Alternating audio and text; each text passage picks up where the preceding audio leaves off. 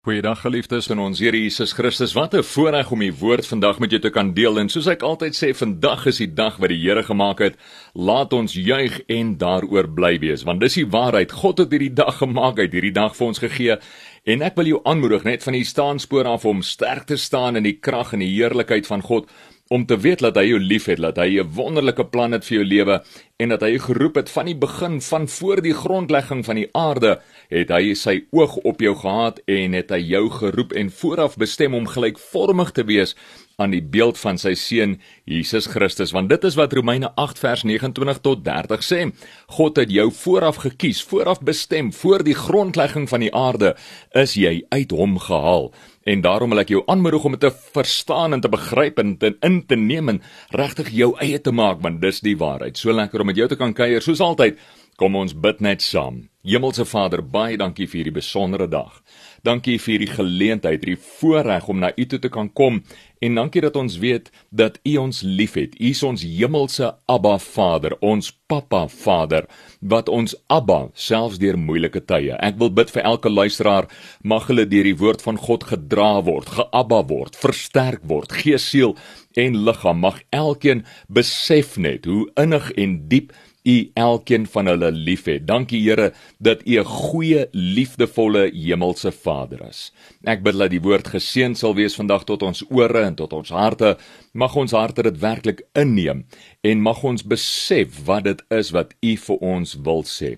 Ek vra Here dat U regtig U woord lewendig sal maak in ons midde, soos wat Hebreërs 4:12 sê dat U woord is lewendig en kragtig en dit bring lewe. Dankie dat U gekom het om lewe in oorvloed vir ons te gee. Zoe lewe, soos die Griek sê. Help ons om daardie zoe lewe, daardie lewe in oorvloed, in volheid te beleef. En dankie dat ons kan weet dit is die ewige lewe, die lewe in volheid, die lewe in oorvloed, soos Johannes 17:3 sê, dit is die lewe in oorvloed, die ewige lewe dat hulle U mag ken. Ons wil U ken meer en meer. Openbaar Uself deur die woord aan ons vandag. In Jesus se naam bid ek. Amen en amen. Wel ek hoop jy's reg en jy's gerad vir die woord en ek wil jou aanmoedig, ek wil jou bemoedig hier vanuit Rigters, die boek van Rigters, besondere verhaal van Gideon en almal van ons ken die verhaal van Gideon glo ek. Ehm um, soveel sodat jy weet dit is van jongs af in ons ingeprent, maar die wat dit dalk nie ken nie en selfs vir die van ons wat dit ken, wil ek jou aanmoedig om daarna te luister asof jy dit vir die eerste keer hoor vandag wanneer jy ook al na hierdie boodskap luister, dat jy vandag daarna luister asof jy dit vir die eerste keer hoor as die woord van God. Nou Rigters 6 vers 10 en 11 is waar ons gaan afskop. Uh, wat ons hier sien is natuurlik die volk van Israel ongelukkig na Josua se afsterwe het die volk um agter ander na agter ander afgode aanbeweeg. Hulle het hulle eie ding begin doen. Hulle het wegbeweeg van die Here hulle God wat hulle uit Egipte uitgelei het. Daardie God wat sê ek het julle gered, kom ons tel op van vers 9 Rigter 6 vers 9. Ek het julle gered uit die mag van Egipte, van almal deur wie julle verdruk was. Ek het vir julle laat plek maak en ek het vir julle land gegee. God sê ek het al hierdie wonderlike goed vir julle gedoen. Ek het julle gered, ek het julle land gegee, maar nou draai julle van my af weg. Ek het vir julle gesê ek is die Here, julle God. Julle mag nie die gode dien van die Amorite in wie se land julle woon nie. Maar julle het nie na my geluister nie. Die hartseer hierso is die volk van God wat God uit Egipte uitgelei het, luister nie na hom nie. Hulle draai weg van hom af en daarom rig God dan rigters op wat die volk help, wat die volk help rig op die regte pad. En vandag het jy dalk nodig, net soos ek partykeer ook net om gerig te word op die regte pad. Jy weet Jesaja 50 vers 10 en 11 praat van wie is daar onder julle wat die naam van die Here ken en selfs die naam van die Here vrees en selfs die dienaar van God gehoorsaam is, maar wat in duisternis loop. Wie is daar van julle wat in so 'n situasie is? Dit moet jy doen. Vertrou op die naam van jou Here. Draai jouself na God. Gee jou lewe oor aan hom. Laat toe dat God jou voetstappe vir jou rig, soos Psalm 37 sê, ek dink hier vers 23 24 rond, waar God ons voetstappe rig, die voetstappe van die regverdige word deur God homself gerig en dit is wat God hier doen deur die rigters. Hy rig die voetstappe van die volk. Nou daar was al klaar een of twee rigters eintlik 'n paar gewees voor Gideon wat ons nie nou in gaan gaan nie. Ek wil deel net met Gideon spesifiek vandag En ons lees hier vanaf vers 11 oor Gideon. Daarna het 'n engel van die Here gaan sit onder die boom in Ofra wat behoort het aan Joas die Abeseriet. Nou, wat is daarna? Dit is nou daarna, na die Here vir die volk gesê, "Hoor jy kom weg, hoekom draai julle weg van my af?" En hy sê, "Dis wat ek sal doen, ek rig vir julle iemand op, ek rig 'n rigter op wat julle voetstappe vir julle weer sal terugrig na my." So, kyk na die treffende manier wat die Here homself hier openbaar. So engel van die Here en hierdie engel is wat 'n mens na verwys is 'n teofanie of 'n Christofanie wat verwys na die verskyning van die Here homself voor Jesus in die liggaam vlees geword het, het Jesus in die Ou Testament ook by tye by geleenthede het hy die woord van God, die lewende woord van God, het hy homself verskyn in die vorm van 'n engel van die Here. En daarom sal jy vind dat hierdie engel van die Here is in 'n hoofletter E in meeste plekke geskryf. En jy sal ook sien soos ek lees verder dat hierdie engel van die Here is God homself, dis die Here homself. Dit is net soos Jakob wat daar by die Jabok rivier baklei en stry met die engel van die Here en dan later besef hy, maar ek het God self gesien van aangesig tot aangesig. God self wat deur Jesus Christus voordat Jesus gebore is in die vorm van die woord, die lewende woord van God Christus verskyn teofanie, God wat homself in mens of dan in 'n engel wese, maar tasbaar, reëel, duidelik sigbaar maak aan mense. So daarna het 'n engel van die Here gaan sit onder 'n boom en offer wat behoort het aan Joas die Abeseriet. Sy seun Gideon was besig om koring uit te slaan in 'n parskuip waar hy weggekruip het vir die Midianiete. So hier is ons Gideon, hy kruip weg. Hy kruip weg vir die Midianiete. Wie's die Midianiete? Die Midianiete is natuurlik die vyande waarin God hulle oorgegee het. Israel wat eintlik hulle self oorgegee het aan die vyand want hulle het weggedraai van God af en daarom sê die Here vir hulle, "Oké, okay, nou as julle hierdie afgode wil aanbid van hierdie Midianiete, as jy hulle weë wil volg, as jy in hulle omstandighede, in hulle kultuur julle self wil inburger, dan gee ek julle self oor dan aan julle begeertes. Dis julle wat gesê het julle wil hierdie ding doen. So as jy nou regtig my hand wil los as jy wil losruk van my, dink aan die voorbeeld van 'n kind as 'n mens loop in 'n winkelsentrum Ons kan ons kinders hande so styf vashou as wat ons wil en ons hou hulle die hele tyd by ons, maar as hulle kies om die hele tyd hulle hand los te ruk en weg te pluk, dan raak dit moeilik om jou kind vas te hou, is dit nie? En dit is tipies wat hier gebeur het. Die volk hou aan om sy hand weg te ruk uit God se hand uit. Jesus wat in Johannes 10 sê, ek dink is vers 12 daarond of 'n bietjie verder sê hy niks kan julle uit my hand uittrek nie. Niemand kan julle uit my hand uittrek nie. Hy sê dit twee keer hy herhaal niks of niemand kan julle uit my hand uittrek nie. Dis die geborgenheid wat ons het in God. Sy liefde so beskud hy ons so beskerm hy ons. Maar die realiteit daarvan is ons aanhou ons hand wegruk uit sy hand uit dan sal hy later sê weet jy ek het nou jou hand so lank probeer vashou maar jy bly jou hand wegruk uitruk uit my hand uit. So gaan dan nou maar jou weg doen wat jy wil doen. En dit is presies hier wat met die Midianiete gebeur en met Israel. So die Midianiete is hierdie vyand wat dan nou teen Israel opkom. So wat gebeur het as jy vroeër sal lees in Rigters hoofstuk 5 sal jy sien die Midianiete, die skrif sê hulle het gekom so sprinkane en hulle het altyd die Israeliete verslaan en vertrap en alles geëet, al die koring en al die druiwe en al die uh groente wat hulle gekweek het, hulle het hulle kom in die vee, hulle kom steel. Dis wat die Midianiete gedoen het. So Gideon is nou al deeglik en pynlik bewus van hoe hierdie Midianite te werk. So hy kruip nou weg hier in die parskuip vir hulle. Hy's bang. Hy's bang, die man is bang. Hy kruip weg. En hoe weet ons is bang want die woord sê so vir ons. Kom ons lees verder. Die engel van die Here het aan hom, dis nou Gideon verskyn en vir hom gesê: "Die Here is by jou, dapper man." Hierdie man wat wegkruip in die parskuip, wegkruip vir die Midianite hy hy slaan hierso koring uit in die parskyp want hy hy wil dit nie doen waar die Midianiete hom kan sien nie. Hy doen dit in die donker hy doen dit weg van hulle af. Hy wat in vrees en bewing is voor die vyand. Hierdie man wat so vreesbevange is aan hom verskyn die engel van die Here.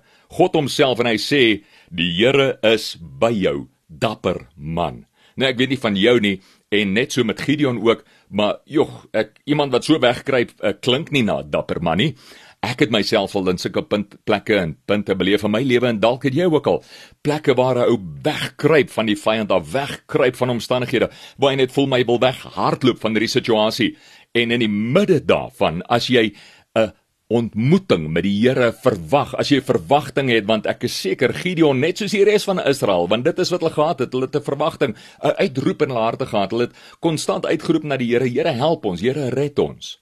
Dan kan jy verwag dat die Here ook op jou toneel sal verskyn soos wat hy hier ook doen met Gideon wat wegkruip vreesagtig en die engel van die Here wat aan hom verskyn en vir hom sê die Here is by jou dapper man. Nou kom ons dink daaroor vir 'n oomblik. Feitelik is dit die waarheid, nê? Nee, is dit nie? Want dit is die Here wat daar is by Gideon, nê? Nee, hy self, God self is op daardie stadium by Gideon. So ons kan metafories hierna kyk en sê dit praat van die Here wat praat na Gideon se hart van vreesagtigheid sê moenie bekommerd wees nie want ek is met jou maar ook feitelik is dit die waarheid want God homself die Here is op daardie stadium by Gideon. En nou sê Gideon vers 13 Gideon het vir die engel gesê Ekskuus meneer. Die 1953 vertaling sê so mooi. Hy sê ag tog meneer, ag meneer. Hy sê ekskuus meneer, maar as die Here by ons is, waarom kom al hierdie dinge oor ons? Nou, miskien was jy nooit daar nie, dalk was jy al daar soos wat ek was. Wat jy vir die Here nie bevraagteken nie, want dis nie wat ons moet doen as gelowiges nie, maar hierso self sien ons Gideon Gideon amper half bevraagteken nê. Hy hy kom en sê Here, maar as as U dan nou by ons is en U's met ons. Waarom kom al hierdie dinge oor ons? U sien, dis nie verkeerd om 'n vraag te vra nie, maar om te bevraagteken baie keer is 'n gesindheid van opstandighede, gesindheid van rebellie, gesindheid van teen iemand opstaan soos wat Korag gedoen het. En die Koragiter die seuns van Korah het Korag het gedoen teen Moses in die wildernis. Hulle het opgestaan in hom teen rebellie opgestaan teenoor teenoor hom in opstandigheid. Dis nou net so kantnota maar ek wil net weer beklemtoon selfs in hierdie plek van bevraagteken waar Gideon God bevraagteken raak hy nie kwaad vir Gideon nie. Nee dink aan Moses ook wat by geleentheid ook God bevraagteken het. God het nie kwaad geraak vir hom tot die tweede derde keer wat Moses hom nou weer gevra het nie. So kom ons leer uit hierdie les uit En kom ons vra eerder die vrae aan die Here, maar laat ons hom nooit bevraagteken nie, want hy is God almagtig soewerein en hy weet presies wat hy in ons lewens doen. So hiersoos Gideon en die engel sê vir hom ek is by jou, die Here is met jou. Hy sê ekskuus meneer, maar as die Here by ons is, waarom kom al hierdie dinge oor ons? Waar is al sy magtige dade waarvan ons voorvaders ons vertel het? toe hulle gesê het die Here het die Here ons nie uit Egipte bevry nie. Nou het die Here ons in die steek gelaat. Hy het ons oorgegee in die mag van die Midianiete. Presies dit God het hulle nie in die steek gelaat nie God het hulle oorgegee aan die begeertes van hulle hart God het hulle oorgegee aan die Midianiete waaraan hulle hulle self oorgegee het onthou nou weer eens Hulle bly losruk uit die hand van hulle liefdevolle hemelse Vader wat vir hulle die weg wil wys, wat vir hulle die pad wil stap, maar hulle sê nee, ek gaan my eie ding doen. Los my. Ek is opstandig, rebels, ek bevraagteken selfs Here en ek gaan my eie ding doen. Gideon hierso op 'n baie werklike en tasbare wyse is eintlik besig om die die volks um, gedagte, die volksinstelling, die volksgesindheid teenoor die Here te openbaar. Hy manifesteer eintlik hierso wat in die volke se harte aangaan. Die volk wat sê maar waar is die Here? Hoekom gebeur al hierdie goed? Hoekom het hy ons oorgegee aan die vyand? Ja, maar wag, jy het jouself weggedraai van die Here af. Jy het jou hand losgeruk van hom af. Daarom is jy oorgegee aan jou omstandighede. En wat moet gebeur is 'n buig van die knie, soos Filippense 2 vers 3 tot 5 sê, elke knie sal buig, elke tong sal bely dat Jesus Christus is die Here. Nou dis nie net 'n geloofstelling nie, maar dis 'n stelling van erkenning van die koningskap, die heerskappy van God oor my lewe in Jesus Christus, dat ek nie my lewe besit nie, dat dit nie my lewe is nie, dat ek nie daarmee kan doen wat ek wil nie, want dis nie my lewe nie, dis 'n lewe wat God vir my goedgunstiglik in my longe ingeblaas het. God wat lief is vir my, God wat omgee vir my en vir jou. Nou kyk hierso antwoord nou die Here. Nou dat nadat Gideon gevra het, maar die Here ons nie uit Egipte bevry nie, nou het die Here ons in die steek gelaat, het ons oorgegee aan die mag van die Midianiete. Hoor na die hart van die Vader hierso. Hy bestraf nie vir Gideon nie, maar hy sê eerder die volgende en ek glo dis wat die Here vir jou ook wil sê. Profeties glo ek dis wat God die Vader vir jou wil sê.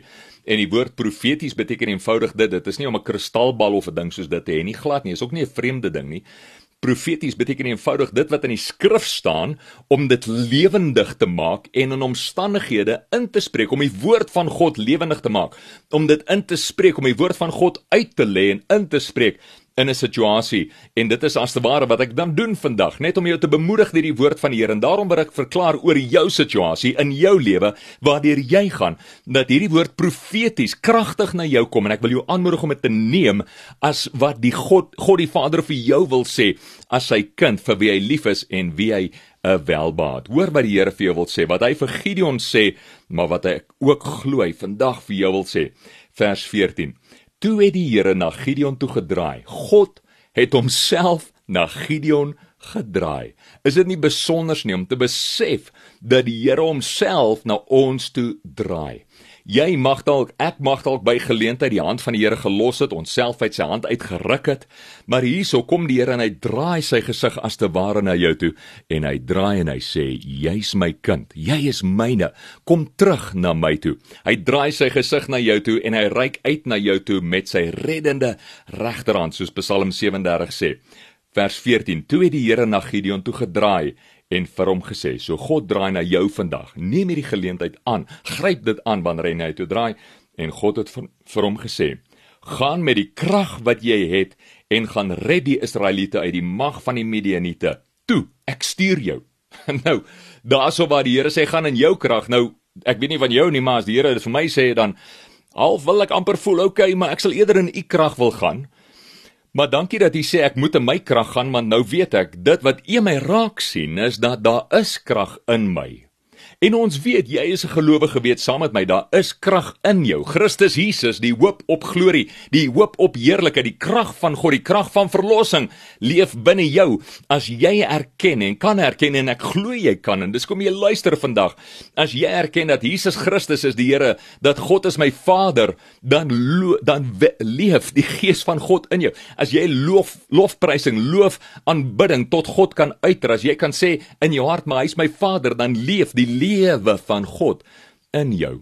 Nou baie interessant Romeine 10 vers 10 natuurlik wat ek voorheen ook al aangehaal het, praat daarvan. Dit sê met die hart glo ons tot geregtigheid, maar met die mond bely ons tot redding.